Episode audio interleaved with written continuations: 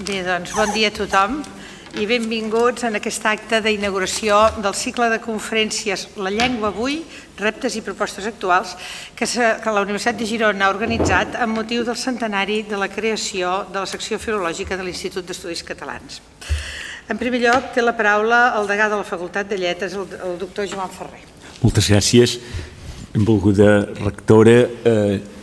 senyora regidora, doctor Nadal, senyor eh, diputat, eh, mm, president de la secció filològica, senyors i senyors, és un goig molt gran poder acollir en,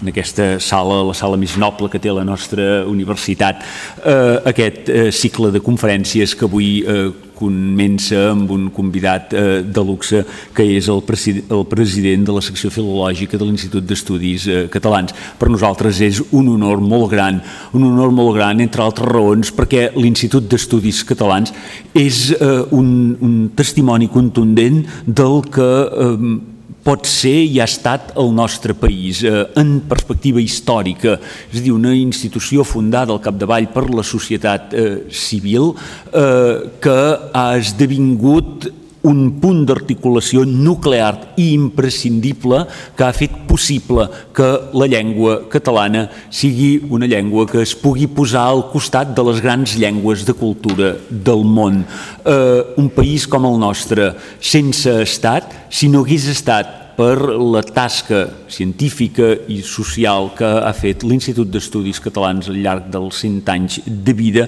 doncs eh, mai de la vida hagués pogut arribar a assolir aquest estatus. Per això és eh, el, president de la secció eh, filològica com a secció emblemàtica que té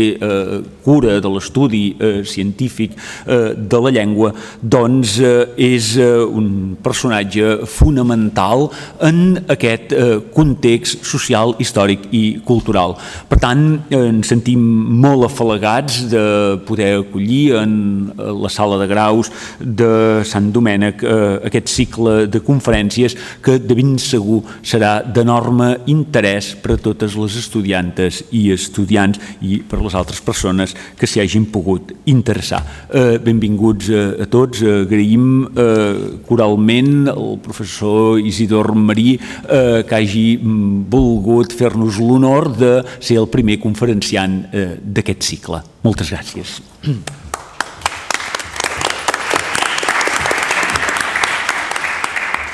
Tot seguit té la paraula el doctor Josep Maria Nadal, director del Departament de Filologia i Comunicació i també membre del grup d'Història de la Llengua Catalana.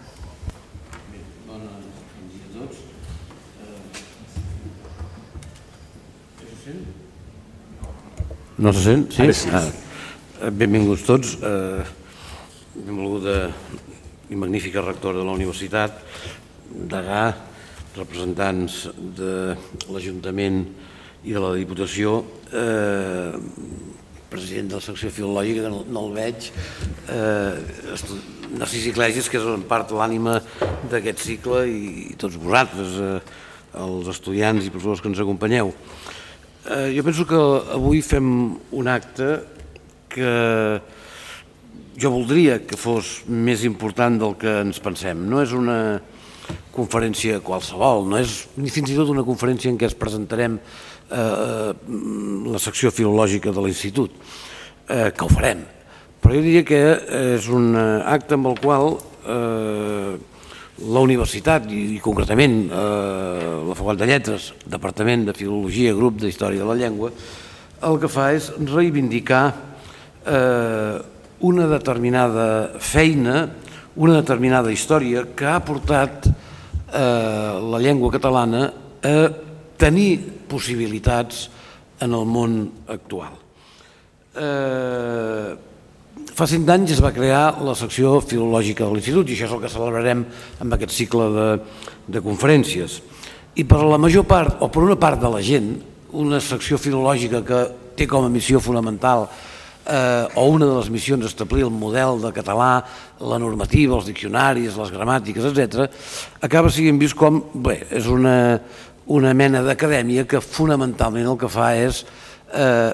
ara deixeu-m'ho dir en plan una mica de broma, empipar la gent, és a dir, dir com han de ser les coses, eh, com s'ha d'escriure, provocar que després els estudiants quan, quan estudien eh, vagin a exàmens se'ls suspengui si no fan les coses d'una manera, d'una altra, etc etc. Aquesta és una visió que, que hi és. Fins i tot, a vegades la gent diu és que aquella gent gran que és de la secció filològica, home, grans ho som, però tampoc tant, eh, aquella gent de la, gran de la secció filològica no saben en quin món viuen i estan elaborant una llengua o, o intentant d'imposar una llengua que no té res a veure amb allò que parlem eh, els catalans. Bé, eh, aquest any, precisament, l'any de celebració del centenari, eh, el, el lema eh, que ha diguem, triat la secció filològica és la paraula viva, és a dir, eh, precisament eh, intentar fer evident que l'objectiu de la secció filològica d'entrada és eh, establir els mecanismes que relacionin la llengua parlada normal, la llengua aquesta que a vegades és més menys incorrecta, que va canviant eh, permanentment, que és diferent segons els llocs, etc etc, amb això que anomenem la llengua catalana, que és un ens una mica més probablement eh, abstracte. I en aquest tipus d'operació eh, la codificació de la llengua és absolutament absolutament fonamental. En el món, eh, ja ho sabeu, n'hem parlat moltes vegades, molt, almenys a, a, a molts llocs, en el món diuen que hi ha 6.131 llengües, diu algú, a la revista Etnolog, eh, que és de les que treballa amb això, 6.131. A més, igual si són 6.131, 5.000 o 7.000. N'hi ha moltes.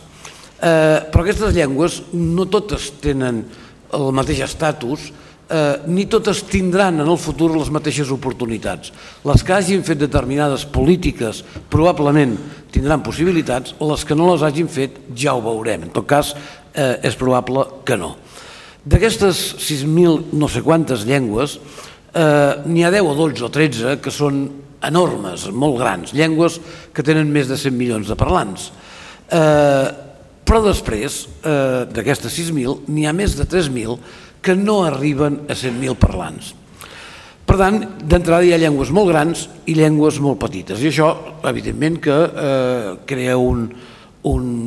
una situació de desigualtat. El català, per aquells que pensen que és una llengua petita, que no té cap mena d'interès, etc etc,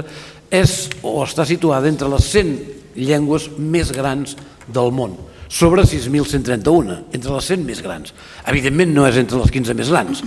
però sí entre les 100 més grans. Per tant, eh, té un element, jo penso, important. Però aquestes llengües no només es diferencien per ser grans o petites, es diferencien per ser llengües elaborades o no elaborades. És a dir, llengües que algunes s'escriuen, moltes no s'escriuen, i de les que s'escriuen, algunes han eh, elaborat un model de llengua que es fa, aquesta elaboració, a partir precisament de la feina normativa o codificadora d'alguna institució eh, el català és una llengua que eh, gairebé d'una manera idèntica a les més elaborades que hi ha al món eh, ha seguit el procés. El català és una llengua en aquest sentit estaria entre les eh, primeres pel procés d'elaboració. I aquest procés d'elaboració eh, qui l'ha fet ha estat durant 100 anys l'Institut d'Estudis Catalans a través de la secció filològica. Per tant, eh, jo voldria que aquest cicle de conferències es convertís una mica en una presentació de l'Institut, però sobretot en una reivindicació del paper que eh, un, eh, una secció com la secció filològica ha tingut, té i tindrà en eh, la construcció de la llengua catalana i, per tant, en el manteniment eh, de la llengua eh, catalana. I això no pas a través de una sèrie de gent vella que es reuneixen allà, no saben què fer, eh, fan el cafè, etc etc, sinó a través d'una corporació acadèmica científica amb els professors de les universitats eh, eh, catalanes, amb escriptors eh, ben vius i joves, eh, etc, que discuteixen com ha de ser el català que hem de, eh, diguem, establir com a model. I l'objectiu fonamental eh, en aquesta busca del català, del model de català, és precisament eh, enllaçar la llengua acadèmica o la llengua codificada amb la llengua viva, amb la llengua que parla la gent. Eh, no sempre s'ha de cedir amb el que parla la gent, però tampoc ens n'hem d'allunyar massa i trobar aquest equilibri és el que pretén de fer la secció filològica. Per això nosaltres hem volgut organitzar un cicle de conferències en el qual, fixeu-vos, hi ha eh, tres conferències en, el qual gent de, en les quals gent de l'institut presentarà la seva feina. Avui el president presentarà què és la secció filològica i després la Gemma Rigau, que no la farà el dia que tocava per problemes de malaltia. Eh, i per tant l'hem hagut de, de fer un, una mica més tard, eh, la Gemma Rigau i en Joaquim Rafel eh, parlaran de la feina codificadora ja més tècnica, eh, concretament de l'elaboració de la gramàtica de l'institut i de eh, l'elaboració del diccionari de l'institut i després uns quants eh, professionals dels mitjans de comunicació, eh, Plano Alart, eh, Joaquim Puyal, etc., el que, les persones que porten el model de llengua a TV3, vindran a explicar com ells, eh, des de la seva feina, veuen que hauria de ser el, el català. No tots són, eh, diguem, acòlits o seguidors eh, a, a, a, a cegues de l'institut, n'hi ha que, que seran prou crítics amb la feina que fa l'institut, perquè evidentment eh, quan discuteix sobre el model de llengua hi ha opcions diverses, però en tot cas tota aquesta gent vindrà a parlar del model de llengua en els mitjans i després un conjunt d'escriptors seleccionats d'una manera molt específica perquè hi hagi gent una mica de tot el territori, però sobretot gent que s'ha plantejat molt seriosament quin, en quina llengua s'ha d'escriure la literatura avui. No només en quina llengua per, pel tipus de gènere literari, sinó també pensant en els lectors, quina llengua eh, és la que és factible perquè un lector eh, català eh, pugui estar interessat en una novel·la que escriu un senyor que, per exemple, viu al Rosselló i que té com a llengua la catalana però dialecte rossellonès. Eh, ha d'escriure en rossellonès, què és el rossellonès, ha d'escriure en català, com ha de fer un equilibri entre el rossellonès i el català. D'això és el que ens parlarà, per exemple, eh, el, en Daniel Besonov, que és un escriptor. D'aquests escriptors vindran aquells que jo penso, eh, a partir del que ha organitzat en Narcís Iglesias, eh, més s'han plantejat eh, aquest problema. Eh, en Ramon Solsona, en Fonelleres, eh, en Comadira, en Mesonov, en Jaume Cabré, ara m'han deixat, en Biel Mesquida, m'han deixat algun, eh? eh? però és igual. En tot cas, per tant, fixeu-vos que no és un cicle de conferències eh, neutre ni, ni poc pensat és un cicle de reivindic reivindicació de la codificació, de l'elaboració de les llengües i, per tant, de reivindicació d'aquella institució que a casa nostra s'ha ocupat i s'ocupa de fer això. I se n'ocupa des de, i espero que és el que es vegi, des de la modernitat. Per tant, no des d'aquella visió que a vegades eh, plena de prejudicis té determinada gent, sinó a partir de precisament uns plantejaments absolutament eh, moderns eh, que tenen eh, futur. Jo voldria que eh, quan acabéssim aquest cicle de conferències eh, no només haguéssim celebrat un centenari, que ja està bé, sinó que realment haguéssim descobert eh, l'institut, la secció filològica i sobretot haguéssim descobert que una llengua eh, ben codificada és una llengua que té perspectives de futur, eh, en tot cas, moltes més que una llengua sense eh, codificació. En tot cas, gràcies per haver vingut vosaltres, gràcies a, tota la gent que vindrà i avui específicament al Gidor Marí, el president de la secció eh, filològica, i jo volia, abans d'acabar, agrair d'una manera específica l'ajuda eh, de tota mena, el suport de tota mena que ja podeu entendre que no només és logístic, sinó que a vegades és, és de diners que ens ha donat el rectorat, la Facultat de Lletres, eh, la Diputació, eh, l'Ajuntament. Sense aquesta participació eh, de tot aquest grup de gent, això hauria estat eh, impossible. I reivindicar que la Facultat de Lletres cada any hauria de muntar alguna cosa d'aquesta eh, mena. En tot cas, gràcies a vosaltres per ser aquí, perquè justifiqueu la nostra feina. Molt bé.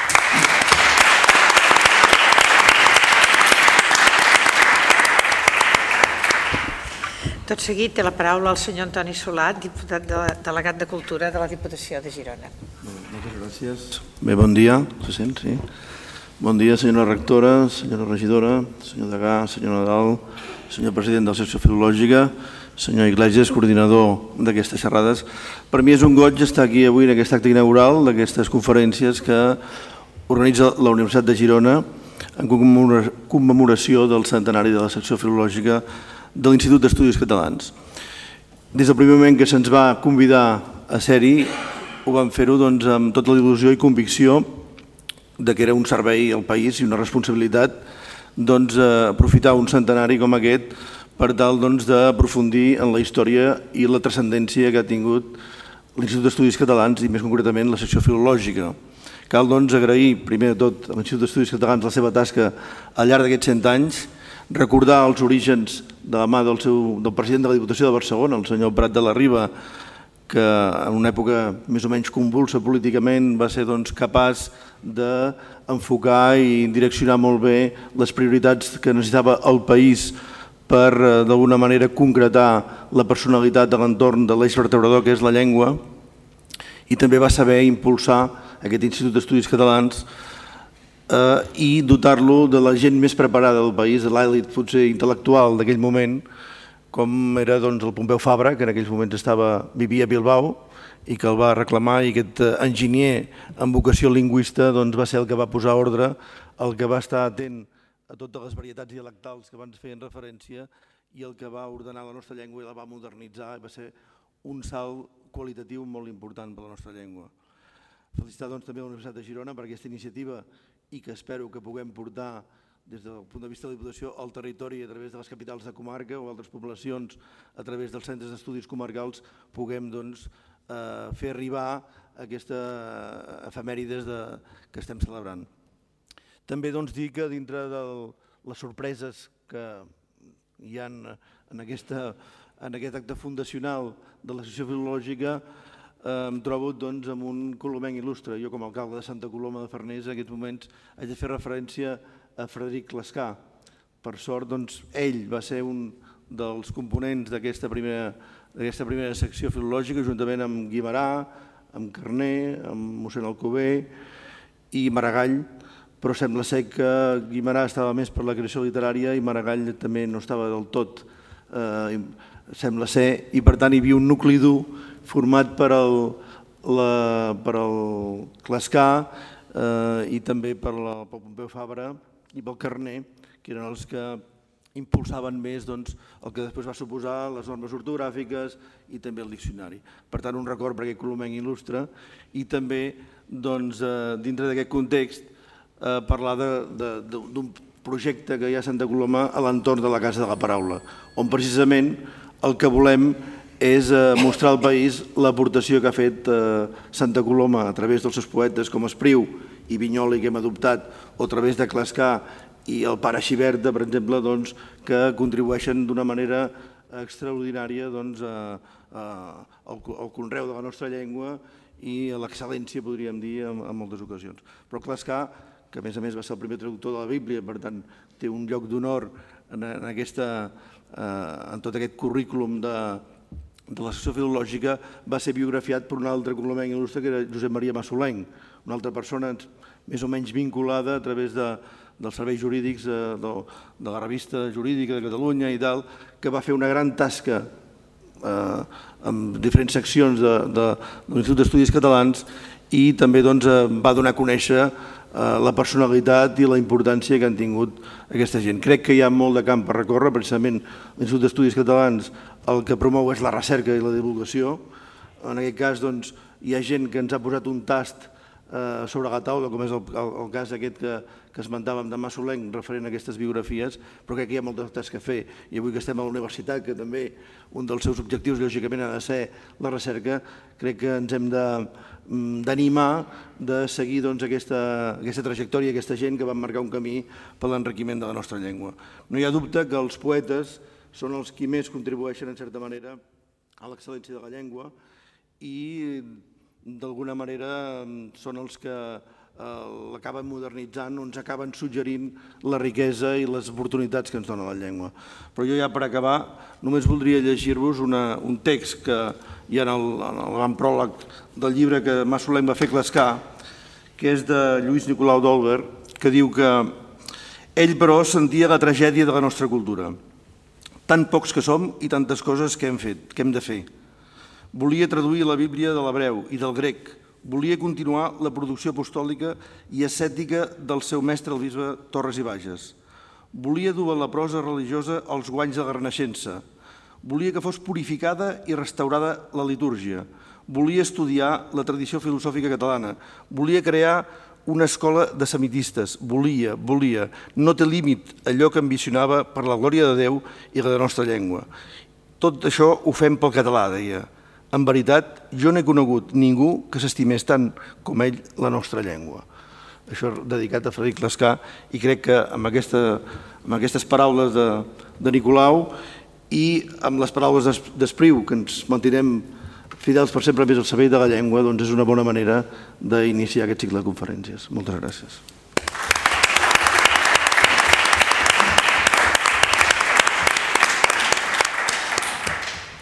Tot seguit, la senyora Marta Madrenes, tinent d'alcalde i regidora de l'Ajuntament de Girona.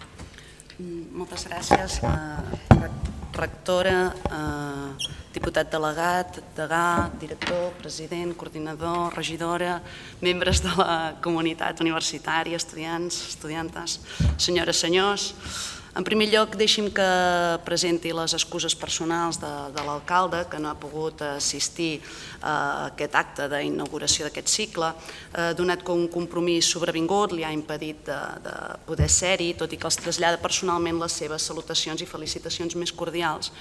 I més tenint en compte que els que el coneixem sabem que és un home especialment sensible o més que sensible combatiu amb la defensa de la llengua catalana i per tant segur que li hagués agradat molt estar aquí però no ha sigut possible. Eh, 100 anys al servei de la llengua catalana són un motiu de celebració però també de, de reflexió. Creat el 1907 en el marc d'una societat convulsa però també esperançada, l'Institut d'Estudis Catalans s'ha configurat i ho continua sent com una peça capdalt en el procés de recuperació de la nació catalana i de la consciència d'identitat pròpia. En aquests 100 anys i escaig d'existència s'ha demostrat que aquests objectius no són incompatibles, ans al contrari, amb els necessaris i imprescindibles elements d'excel·lència acadèmica, rigor científic i d'inquietud investigadora.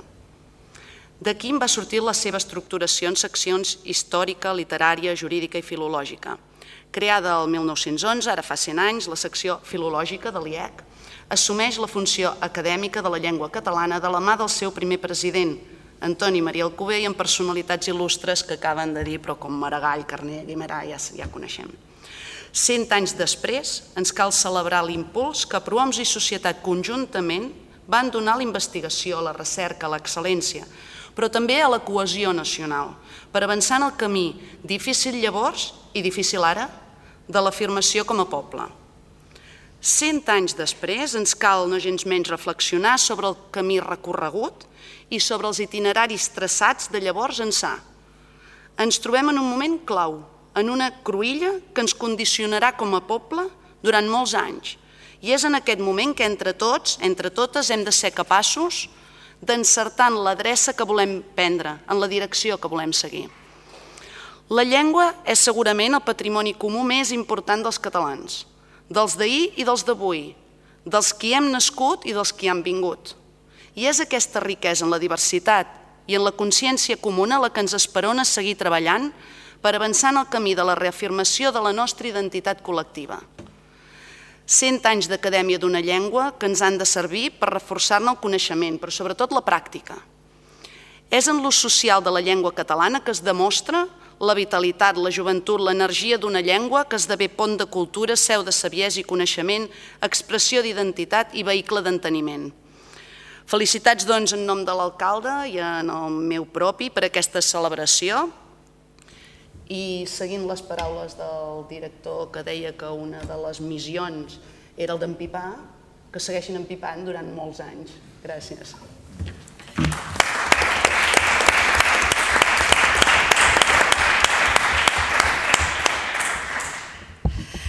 Bé, doncs, eh, primer que tot, salutació a tota la mesa, el degà de la facultat, el director del departament, el diputat de Cultura, la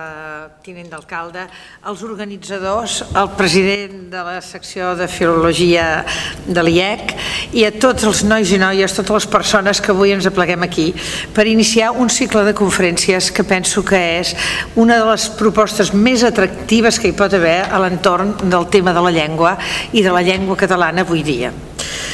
Eh, hem de dir que l'homenatge a l'Institut d'Estudis Catalans per part de la Universitat de Girona és realment un homenatge merescut i necessari. La Universitat de Girona s'ha distingit sempre des de la seva creació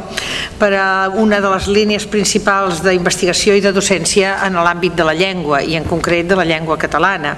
I per tant, eh, la relació entre la Universitat de Girona i l'Institut d'Estudis Catalans, la secció filològica de l'Institut, ha estat permanent i contínua i, i obligada, jo diria. En realitat, la secció filològica ha simbolitzat molt més, i això ho deia fa un moment eh, el Josep Maria Nadal, eh, molt més que una acadèmia de la llengua. Ha estat, jo diria, un element clau per recuperar aquest català històric, actualitzar-lo, fer-lo un català a l'abast de tots i del dia a dia, normatitzar, com, com hem dit, i també per impulsar el que és la nació i el país. No podem oblidar que la llengua és un dels eixos vertebradors de la identitat d'un país i en el nostre cas doncs, ha anat en paral·lel al desplegament del país, de, del que és la nostra,